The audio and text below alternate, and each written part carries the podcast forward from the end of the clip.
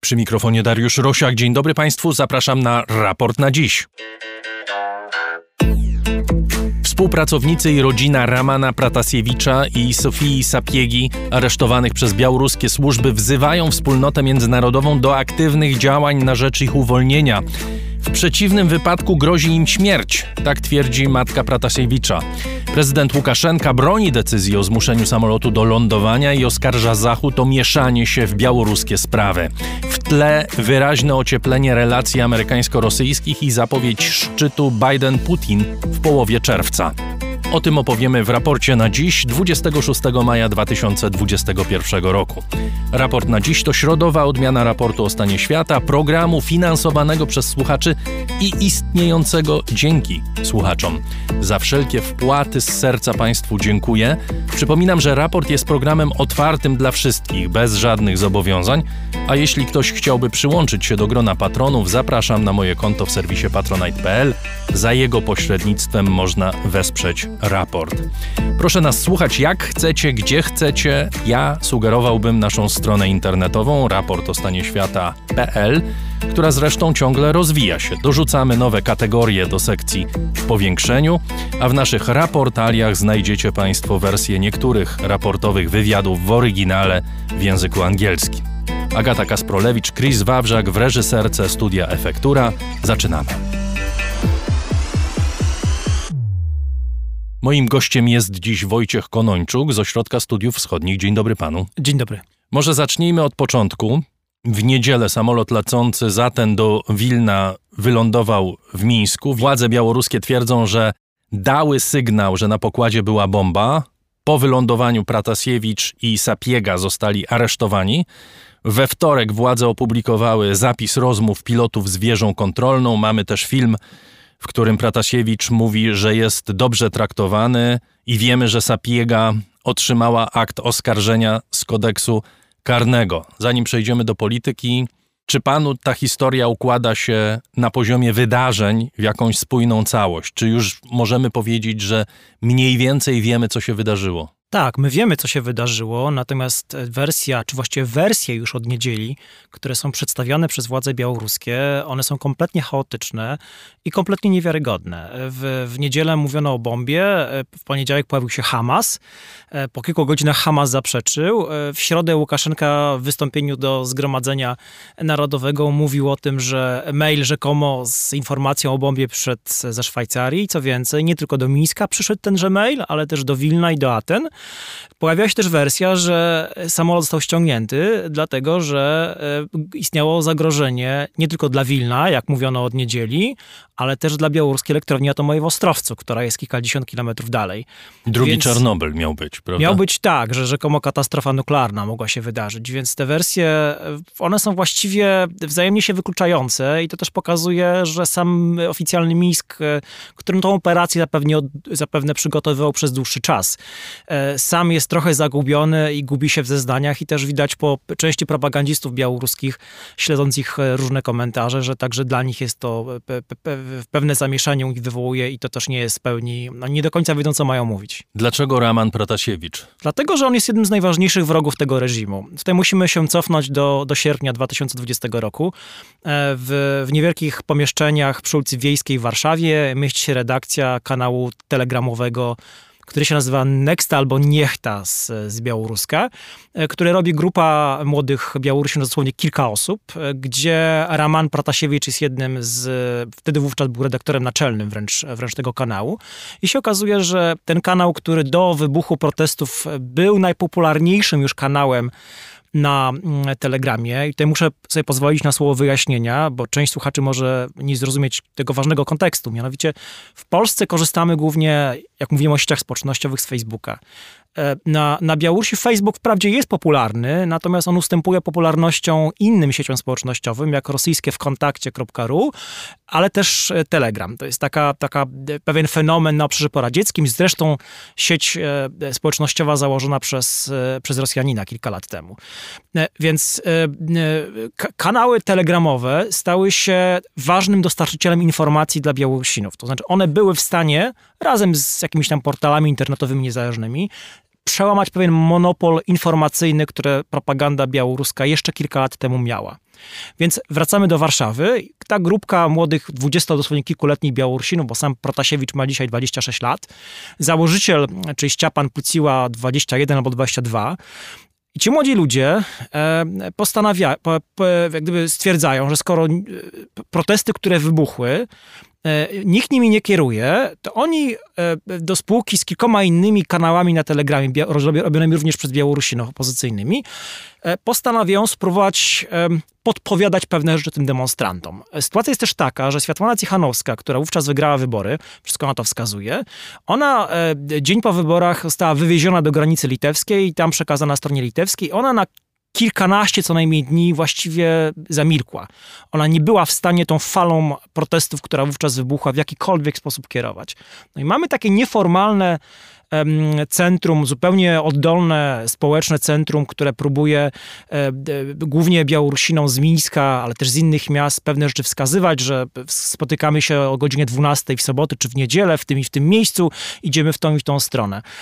I to się okazało bardzo skuteczne. E, zaczęło im lawinowo przybywać e, subskrybentów. E, to się, kanał Nexta stał się wręcz najpopularniejszym tego typu medium na obszarze poradzieckim, bo w szczycie, czy tu mówimy już o początku jesieni ubiegłego roku, śledziło go ponad 2 miliony ludzi. Z tego dwie trzecie to byli obywatele Białorusi, co wskazuje na to, że właściwie niemal w każdym białoruskim domu Nexta e, dostarczał do każdego białoruskiego domu, Nexta dostarczał informacje.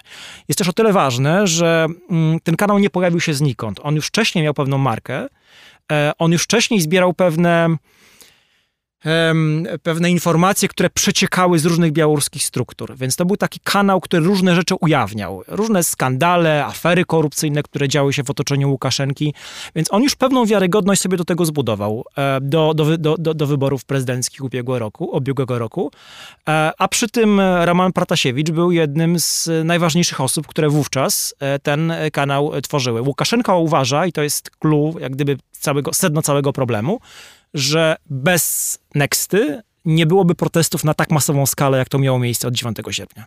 To jest bardzo mocny sygnał wysłany dla opozycji białoruskiej. Bardzo charakterystyczne jest to, że nie dzieje się to przy pomocy aresztowania czy przy pomocy y, prześladowania polityka, tylko właśnie człowieka, który jest y, dziennikarzem, prawda? Ale proszę powiedzieć, jaki to jest sygnał dla tej opozycji białoruskiej? Porozmawiamy o tym jaki jest sygnał dla innych e, ludzi, dla innych ośrodków, dla Europejczyków na przykład, czy dla innych polityków, ale najpierw chciałbym, żebyśmy porozmawiali o, o tym, jaki to jest sygnał dla białoruskiej opozycji, w jakim stanie ona się znajduje i jak to przyjęła.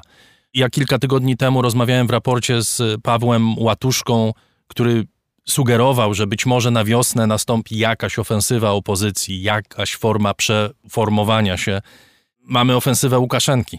Mamy kontrrewolucję. E, I to jest kontrrewolucja, która nie zaczęła się kilka dni temu, tylko ona trwa od kilku miesięcy. E, I ona się sprowadza przede wszystkim do masowych represji. Dzisiaj w, w, więzieniach białoruskich już siedzi kilkaset osób skazanych na wyroki kilkuletniego naj, najczęściej więzienia. E, najczęściej z paragrafu zakłócania porządku publicznego, pod który można pociągnąć wszystko. Nawet napisanie na murze hasła odejdź skierowanego do, do reżimu. E, mamy e, opozycjonistów, którzy nagle umierają w więzieniu i tutaj trochę sprawa samolotu przyćmiła prawdopodobne zabójstwo Witolda Szurka, 50-letniego opozycjonistę, który został skazany na 5 lat więzienia jeszcze w w styczniu tego roku, e, zatrzymany we wrześniu ubiegłego roku. E, osoba, która nigdy nie skarżyła się na problemy z sercem, okazało się, że na, najpierw zamilkła, bo nie było od niego odpowiedzi na listy, e, a potem władze więzienne ogłosiły, że on właśnie zmarł na serce, ciało zostało wydane rodzinie po kilku dniach, miał zabandażoną głowę, nie dopuszczono do przeprowadzenia sekcji zwłok. Dzisiaj w niewielkiej miejscowości na Grodzieńszczyźnie odbył się jego pogrzeb, na który przyszło kilkaset mieszkańców.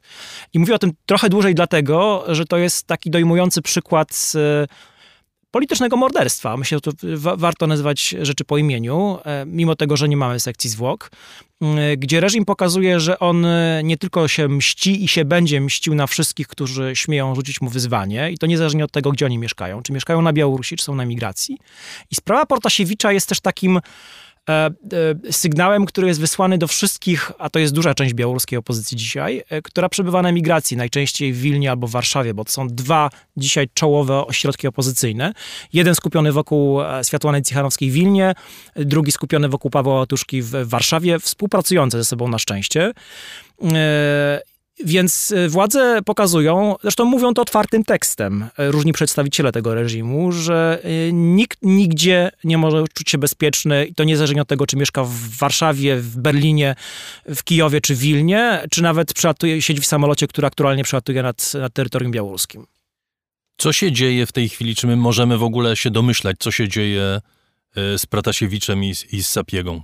Oni przebywają w, w areszcie w, w Mińsku. Mieliśmy film, na którym on wygląda jakby był pobity. Przynajmniej widać ślady jakichś siniaków czy zakrwawień delikatnych. Natomiast no oczywiście i on i jego rosyjska przyjaciółka mówią o władzach y, białoruskich i władzach więziennych w samych superlatywach, czym nie należy się dziwić. Tak, on rzeczywiście e, dwa czy trzy dni po, po tym, jak został e, aresztowany, wyciągnięty z samolotu, on e, złożył do kamery w, w KGB prawdopodobnie krótkie zeznanie, w którym do wszystkiego, co mu jest zarzucone, się przyznaje. Tutaj dodajmy, że grozi mu kilkanaście, co najmniej kilkanaście lat więzienia. Zobaczymy jeszcze dokładnie, jakie zarzuty zostaną mu postawione, bo to, co już wiemy, to jest pewnie nie wszystko jeszcze. No i tutaj bardzo ważny jest kontekst. E, trzeba pamiętać, że KGB ma swoje sposoby, żeby pewne rzeczy wymuszać. I to zarówno fizycznie, e, groźbą, jak i pewnie różnego rodzaju środkami farmakologicznymi. My sobie trochę nie zdajemy sprawy z tego, jaki to jest system, e, bo my w Polsce, my w Unii Europejskiej, my od tego typu systemu odwykliśmy, bo on się skończył u nas ponad 30 lat temu. Tam się nie tylko nie skończył, ale ma się świetnie i się świetnie rozwija do podobnego, do, do podobnego e, zeznania doszło w przypadku Sofii Sapiegi. Ona również się przyznała do wszystkiego, co jest jej zarzucane. E, I oczywiście, biorąc pod uwagę to, gdzie oni są i z kim oni są, nie należy mieć do nich żadnych, e, żadnych zastrzeżeń. Warto też pokazać nieco inny kontekst, mianowicie to, co się dzieje ostatnio wokół rodzin pracowników Bielsatu. Trzeba pamiętać, że ta nadająca z Warszawy telewizja białoruska ma sieć korespondentów na Białorusi. To są, to są właściwie bez wyjątku obywatele tego kraju i się okazuje, że e, w, ostatnią, w ostatnim tygodniu kilku pracowników technicznych zostało zatrzymanych, natomiast ci, którzy się nie stawili albo są poszukiwani, zaczęto grozić im ich rodzinom. Więc to jest takie odwołanie się do stalinowskiej e, zasady, że jesteś wrogiem, e, członkiem rodziny wroga narodu. Nie możesz czuć się bezpieczny. Dobrze, porozmawiajmy o tym, co się wydarzyło w troszkę szerszym kontekście międzynarodowym. I pierwsze pytanie, które się narzuca i które jest stawiane od samego początku: czy to jest operacja koordynowana z KGB rosyjskim? Wielu komentatorów mówi, że nie ma możliwości, żeby Łukaszenka zrobił to bez zgody Kremla.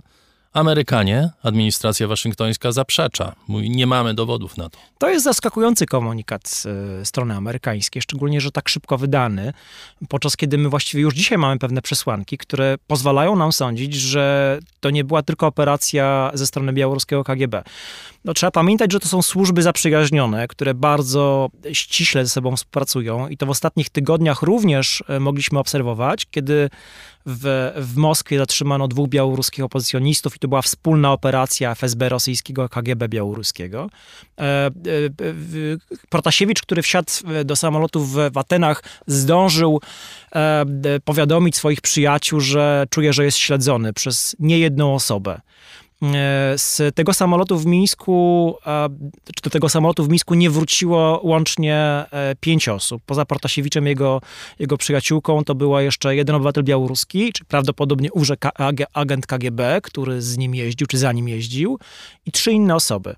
I to jest pytanie, kim były te trzy inne osoby. Do tej pory nie znamy ich nazwisk. Aczkolwiek to uprawdopodobnia tezę, że to e, była wspólna operacja. Zresztą, jak pan redaktor słusznie zauważył, przy tego typu ważnych działaniach ja sobie nie wyobrażam, aby e, strona rosyjska nie była o nich powiadomiona. A po co by to było Putinowi w takim razie? No właśnie, tutaj dochodzimy do też bardzo ważnej, ważnej sprawy, co, jest, co leży dzisiaj w interesie rosyjskim. Cała sytuacja, jaka ma miejsce na Białorusi i wokół Białorusi po 9 sierpnia ubiegłego roku, jest zdecydowanie na rękę Rosji.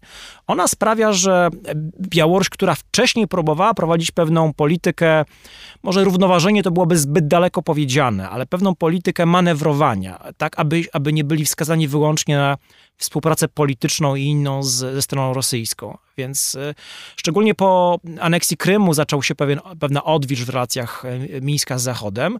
Ona pewne, pewne efekty polityczne przyniosła, choćby jeśli chodzi o wizyty różne ważnego szczebla. Sekretarz stanu przecież w ubiegłym roku amerykański odwiedził Mińsk. Więc dzisiaj nic podobnego nie jest możliwe. Mam takie wrażenie, obserwując działania desperackie działania Łukaszenki, który trochę sam się zagonił w ślepy róg, a trochę myślę, że Moskwa mu pomogła się zagonić w ten ślepy róg. Polityka samoizolacji, e, polityka zniechęcania do siebie e, wszelkich e, nierosyjskich partnerów, e, polityka wyprzedzania pewnych działań, bo dzisiaj właściwie nie mamy poważnych sankcji unijnych czy zachodnich na Mińsk, natomiast mamy poważne sankcje Mińska na zachód. To jest ten pewien paradoks. Mm, sankcje gospodarcze, przygotowana baza prawna pod ich, pod ich rozwinięcie, przekierowanie tranzytu z terytorium litewskiego, a to zawsze było ważne okno na świat dla części białoruskiego eksportu, do portów rosyjskich. I właściwie tą listę można by jeszcze wydłużyć, więc to dzisiaj, e, to, to Mińsk dzisiaj w ostatnich miesiącach jest bardziej stroną ofensywną, a nie Zachód, który w ostatnich miesiącach, szczególnie Unia Europejska, niestety pokazał pewną niemoc. To jest bardzo ciekawe, co pan mówi, ale ja spytałem o powiązania z Kremlem. Czy to nie jest tak, że my po prostu wszystko wiążemy z Kremlem bez względu na to, czy mamy na to dowody, czy nie? Bo tutaj można oczywiście przyjąć taką perspektywę, o jakiej pan mówi, że to jest na rękę y, Putinowi. Z drugiej strony, w sytuacji, w której do władzy doszedł ktoś, z kim już widać, że Putinowi będzie bardziej po drodze wbrew pozorom i wbrew całej retoryce niż y, z Donaldem Trumpem, po co miałby Putin zaogniać sytuację? No tutaj trzeba znowu pamiętać, że to Rosja, reżim putinowski jest ważnym sponsorem tego reżimu. To znaczy, Łukaszenko nie byłby w tym miejscu, w którym jest dzisiaj, bez dwóch kluczowych czynników. Tym pierwszym jest lojalność ze strony struktur siłowych, e, która na tym najwyższym, średnim, najwyższym poziomie nie została naruszona, a drugim jest wsparcie ze strony Rosji. Po pewnym kilkudniowym wahaniu tuż po, po wyborach, Rosjanie od tego czasu właściwie bezapelacyjnie Łukaszenkę wspierają. E, Podobnie jak wspierają go w tej historii, prawda? To znaczy przyjmując jego wersję i wyśmiewając wersję zachodnią. Tak, e, wspierając go informacyjnie, wspierając go politycznie, finansowo, gospodarczo, dając pewną osłonę w formie choćby działań propagandowych. Oni sobie zdają sprawę, w jak trudnej sytuacji on jest i oni mają nadzieję, że oni będą to, to w stanie mm, e, wykorzystać. Też trzeba pamiętać o tym kontekście integracji wewnętrznej, dwustronnej, białorusko-rosyjskiej, chociaż on oczywiście jest de facto jednostronna, Białorusi z Rosją, a nie, a nie odwrotnie, która trwa e, od wielu lat i ona właściwie od wielu lat znajduje znajduje się w pewnym impasie. Tutaj mamy jej przyspieszenie. 28 programów integracyjnych jest przygotowane. Wiemy, że 26 z nich jest gotowych, dwa są niegotowe. One wywołują cały czas pewne kontrowersje. Pole manewru Łukaszenki, aby uciekać od nacisków rosyjskich jest niestety coraz, e, coraz mniejsze. A wracając jeszcze do kwestii tego e, komunikatu amerykańskiego o tym, że oni nie widzą śladu rosyjskiego, ja bym to postrzegał chyba głównie w kontekście przygotowanego szczytu Biden-Putin, który ma się odbyć 16 czerwca, jak już wiemy. Mm, e, takie trochę, takie osłonowe przygotowanie tego szczytu, żeby pewne e, trudne sprawy poruszać zapewne za zamkniętymi drzwiami. No na szczęście, albo nie wiem czy na szczęście, no w każdym razie na pewno w Stanach Zjednoczonych istnieją wolne media i jeżeli rzeczywiście cokolwiek by się przedostało do nich na ten temat, to pewnie wcześniej czy później się dowiemy, ale być może tak jest, jak pan mówi. Biden i jego administracja nie chcą zaogniać sytuacji, nie chcą przed 16 czerwca dolewać oliwy do ognia. Czy praktycznie mamy za sobą taki trochę taniec na linie Bidena od samego początku dotyczący Nord Stream 2 na przykład. Wiadomo, że jest poluzowanie sankcji wobec firm biorących udział w budowie. Mamy wypowiedź e, z dzisiaj czy z wczoraj prezydenta, który po prostu mówi, że nie będzie się sprzeciwiał tej budowie. Czy można powiedzieć, że jeśli chodzi o tę sprawę, e, Rosjanie już całkowicie ją wygrali? Wiele na to wskazuje dzisiaj. E, te wystąpienie Bidena, ona bardzo jasno pokazuje, e, właśnie ona stawia kropkę na D, bo my już to wcześniej byliśmy w stanie wyczytać z różnych komunikatów amerykańskich i pewnych działań, czy właściwie zaniechania pewnych działań ze strony tej nowej administracji. O, oni mianowicie uznają, że skoro gazociąg jest już dobudowany w tak dużym stopniu e, i on wywołuje tak duże kontrowersje, głównie w relacjach amerykańsko-niemieckich, a, a Waszyngton bardzo i, widocznie próbuje te relacje naprawić. One się znajdują w, w kryzysie po okresie prezydentury Trumpa. No więc Biden mówi, że nie będzie nowych sankcji e, i my tu nie chcemy tworzyć nowych napięć w relacjach z naszymi europejskimi sojusznikami. To jest oczywiście nie tylko na rękę Niemcom, które cały czas są ważnym lobbystą tego gazociągu, ale to jest również, czy może przede wszystkim na, na rękę stronie rosyjskiej. Więc to, co dzisiaj można wyczytać, że ten e, gazociąg zostanie dobudowany. E, zostało już bardzo niewiele, bo, bo niecałe 100 kilometrów. On prawdopodobnie do jesieni będzie technicznie gotowy. Pozostanie kwestia certyfikowania tego, e, tego gazociągu. Tutaj cały czas działają sankcje rosyjskie. Ja tu niestety optymistą nie jestem. Uważam, że Rosjanie E, e, do spółki z e, różnymi swoimi przyjaciółmi w, w niemieckimi nauczyli się te sankcje obchodzić i tutaj no, bardzo bym się zdziwił, gdyby się okazało, że, że oni nie są w stanie tego gazociągu uruchomić. Porozmawiajmy na koniec o postawie Unii Europejskiej. Mamy europejski samolot, europejskich właścicieli, pasażerów z krajów Unii Europejskiej. Mamy bardzo ciekawy moment, początek wakacji po poluzowaniu sankcji covidowych, uderzenie w tanią linię lotniczą, z której korzystają miliony Europejczyków spragnionych wakacji i sygnał z tej strefy rosyjskiej, białorusko-rosyjskiej. Wy będziecie sobie może myśleć o wakacjach, nawet może wyjedziecie na te wakacje, ale my i tak możemy zrobić co chcemy. Rzeczywiście, Rosjanie, Rosjanie tutaj przez pewnie rękoma Białorusinów nie pierwszy raz to pokazują, że oni mają możliwości działania w Unii Europejskiej, oni mają e, możliwości szkodzenia naszym interesom, mordowania swoich przeciwników politycznych, wysadzania składów e, z amunicją w Republice Czeskiej. I to jest pewna forma wojny, która trwa w przestrzeni informacyjnej, w przestrzeni e, działania służb specjalnych od, od co najmniej kilku lat. Jeśli może, możemy teraz porozmawiać też chwilkę na temat Unii Europejskiej, od, od, od, od czego pan, pan, pan, zaczął, bo to też jest, wydaje mi się, bardzo, bardzo ważna, ważna kwestia, że właściwie zapowiedź, ten sygnał polityczny, który został w poniedziałek e, na Radzie Unijnej wysłany, że będą nowe sankcje i co więcej, że te sankcje będą po raz pierwszy tak daleko idące, to jest ważny sygnał. Tylko wielu e, obserwatorów, ale przede wszystkim wielu Białorusinów sobie stawia pytanie od wielu miesięcy, Dlaczego właściwie Unia Europejska do tej pory y, nie była w stanie zareagować adekwatnie do sytuacji? A ta sytuacja jest taka, że ma miejsce tuż za naszą wschodnią granicą, polską unijną granicą wschodnią, no, kryzys humanitarny. To, co to, to, to ten reżim robi ze społeczeństwem e, białoruskim, prawda, te bezprecedensowe represje, które są wprowadzane, zamykanie e, ważnych mediów, e, masowe aresztowania, co zresztą nie jest jeszcze końcem, one od samego początku wymagały daleko idącej odpowiedzi ze strony Unii Europejskiej. Okazało się, że Unia Europejska jest w stanie wprowadzić listę na 88 osób, E, czyli te 88 nazwisk ze strony białoruskiej, które mają zakaz wjazdu i 7 niewielkich podmiotów gospodarczych zbliżonych do, do, do, reżimu. I to były tak naprawdę do tej pory całe działania strony Unii Europejskiej. Miejmy nadzieję, że ten sygnał wysłany w poniedziałek, że on się przełoży na bardziej zdecydowane... Ale proszę nas przekonać, że to nie są płonne nadzieje. To znaczy to, że samolot lata w kółko, bo nie może wejść w przestrzeń nad Polską, prawda, co miało miejsce dzisiaj z samolotem lecącym do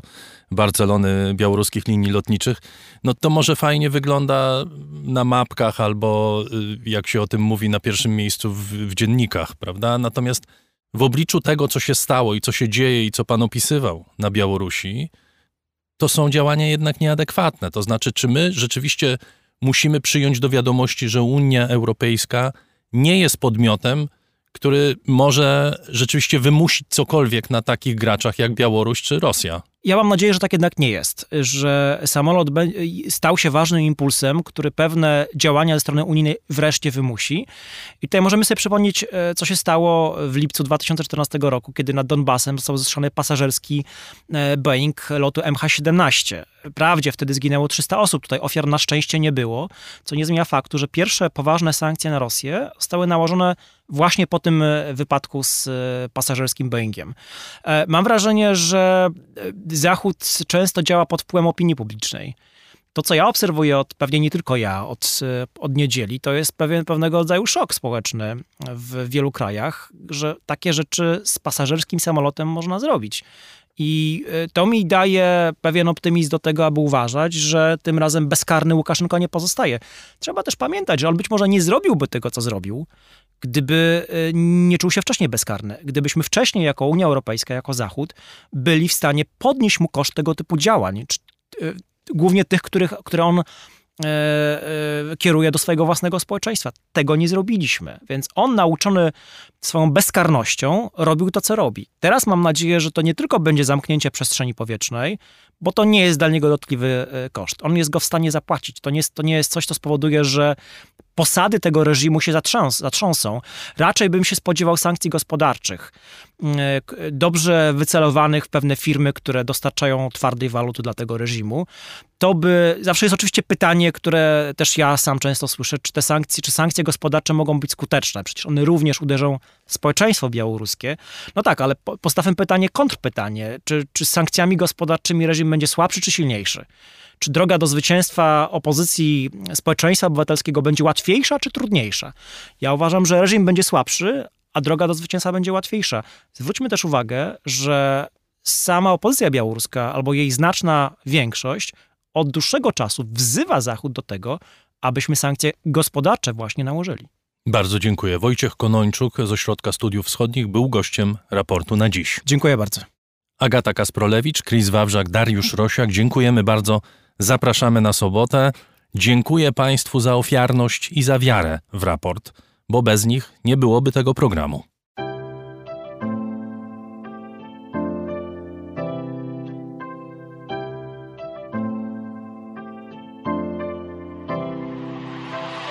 Raport o stanie świata od marca ubiegłego roku rozwija się dzięki Państwa zaangażowaniu i szczodrości. To dzięki Wam możemy opowiadać o świecie przy pomocy dźwięków. Dzięki Wam ten program może być przygotowywany w profesjonalny sposób z zachowaniem najwyższej jakości, bo na nią zasługują słuchacze raportu o stanie świata. Z serca dziękujemy wszystkim Państwu za wpłaty. Wasza hojność jest dla nas ogromnym zobowiązaniem. Zbiórka na patronite.pl ciągle trwa. Zachęcam do udziału w niej. Najhojniejsi patroni raportu o stanie świata to artrage.pl Książki dostępne dla każdego za tyle, ile chcesz zapłacić. Bierz i czytaj. Hotel Bania Termal Iski w Białce Tatrzańskiej, oferujący pobyty z wycieczkami rowerowymi Bania Velo. Firma doradcza Crido. Kantory Kanga, sieć stacjonarnych kantorów kryptowalutowych w Twoim mieście. Firma Prosper z Sosnowca, hurtownia elektroenergetyczna i właściciel marki Czystuś. Firma Venterm z Niepołomic, generalny wykonawca instalacji sanitarnych i odnawialnych źródeł energii. Magda Kras-Gorzkowska, właścicielka marki Miłomi Beauty, najmilszego day spa w Pruszkowie i okolicach. www.miłomibeauty.pl Catering dietetyczny Lightbox, oferujący dietę pudełkową z wyborem potraw z różnych kuchni świata. Michał Małkiewicz, Firma Software Mill. Od zawsze zdalni. Programują dla całego świata. Dom wydawniczy Muza.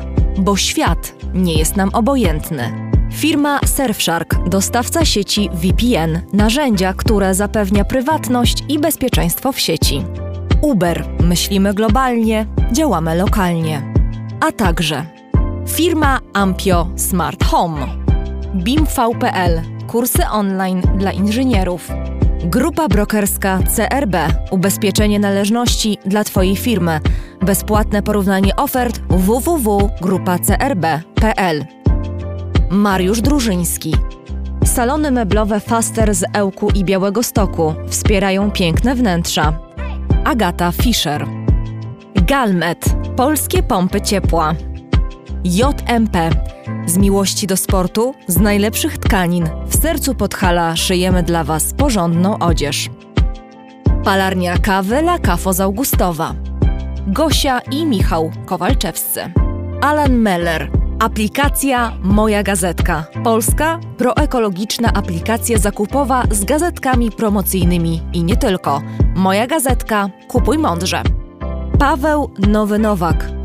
Wydawnictwo SQN. Wydawca reportaży Mecz to Pretekst i Republika Samsunga. Drukarnia cyfrowa totem.com.pl. Dla nas książka zasługuje na najwyższą jakość. Fundacja Wasowskich, opiekująca się spuścizną Jerzego Wasowskiego i wydawca książek Grzegorza Wasowskiego.